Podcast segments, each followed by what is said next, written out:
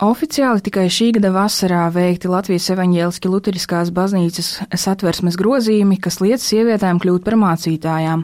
To pamatoja ar svētajiem rakstiem, taču praksē sievietes neordinē kopš Lelba vada arhibīskaps Jānis Vanaks. Amatā viņu ievēlēja 1993. gadā.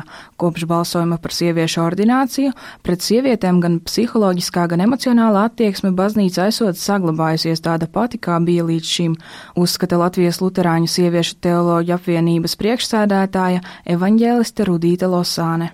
Manuprāt, no 3. jūnija, kad Lielpas atversmē tika pieņemti satversmes labojumi attiecībā uz sieviešu ordināciju, mainījies patreiz ir tikai tas pēc maniem novērojumiem, kā ir ir beigusies to 77% eh, balsotāju, kas balsoja par šīm izmaiņām, eiforija. Latvijā ir aptuveni desmit kalpojošas evaņģēlistes. Dažas ir pamatdarbā, dažas brīvprātīgi kalpo šajā amatā un var aizvietot mācītājus un vadīt dievkalpojumus. Pēc izmaiņām Lelpas atversmē, piemēram, Rudīti Losāni, mācītāji vairs neaicina aizvietot viņus dievkalpojumos. Jo līdz šim bija tā, ka es varēju izvēlēties, kur iet, kurā svētdienā kalpot. Jā, un vasaras mēneši man bija diezgan piesātināts svētdienas, kad es aizvietoju mācītājus viņa brūpūnas laikā.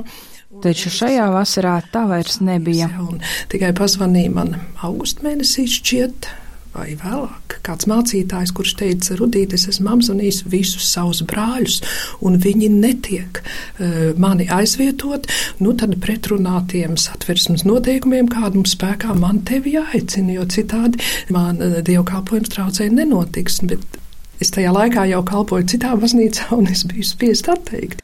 Pēdējo desmit gadu laikā citās valstīs sākuši ļaut sievietēm kļūt par mācītājām. Arī, piemēram, Krievijas luterāņu baznīcā sievietes varot kļūt par mācītājām. Savukārt Polijas luterāņu baznīcā šobrīd diskutē par sieviešu ordināciju. Pēdējā laikā it sevišķi ļoti aktuāli paliek sieviešu ordinēšana garīgā amatā, un tas jau nav tāds pēkšņs notikums, jo tās sievietes, kuras tiek ordinētas šajās valstīs, šajās valstu baznīcās, viņas jau ir kalpojušas 10 un pat 20 gadus kaut kādā garīgā amatā vai par evaņģēlistēm, un, un tad tiek apstiprināts, jā, tiešām mēs atzīstam jūs ar savām dāvanām un kalpošanu, esat pierādījuši, ka mēs jūs varam ordinēt. Jā. Nav viena pareizā ceļa attiecībā uz sieviešu ordināciju, atzīst Rudīta Losāne. Šajā jautājumā ir divas pieejas, kā interpretēt tekstu. Lai nonāktu pie sieviešu ordinācijas, Latvijai esot jānoiet tāls ceļš, viņa uzskata. Taču Latvijas situācija ir saudabīga ar to, ka šeit Luterāņu baznīcā jau bija ļauts ordinēt sievietes, bet šobrīd nolemts iet pretēju ceļu. Rudīta Losāne stāsta, ka attieksme no baznīcas vīriešiem esot ļoti saudabīga, it sevišķi to varot izjust salīdzinājumā, piemēram, ar ārpus Latvijas Luterāņu baznīcu. Un tā mana izjūta ir tāda, ka šie Latvijā kalpojošie baznīcā vīrieši, eh, viņi kaut kādā veidā, tas, protams, ir mans novērojums, baidās no, no sievietēm, no sievietēm, kam ir izteikts līderes īpašības, arī no gudrām sievietēm. No savas baznīcas vīriešiem evaņģēlisti izjūt distancētu attieksmi, kurā nojaušamas bailes.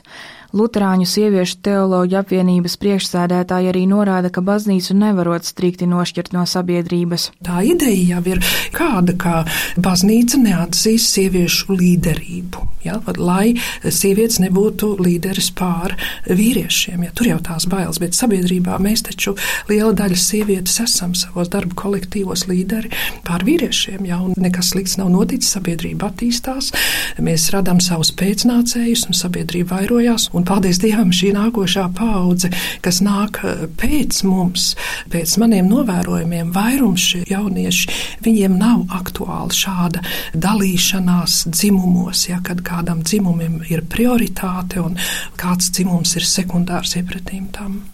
Rudīta Losāne uzskata, ka baznīca ir nonākusi līdz zināmai stagnācijai dialoga trūkuma dēļ. 3. jūnija balsojums esot polarizējis viedokļus Luterāņu baznīcā, taču šis stāvoklis nevarot būt ilgstošs. Viņas prāt baznīcā būtu svarīgi tomēr uzsākt diskusiju, lai atšķirīgo viedokļu pārstāvji spētu pieņemt viens otru. Anna Pētrava, Latvijas radio.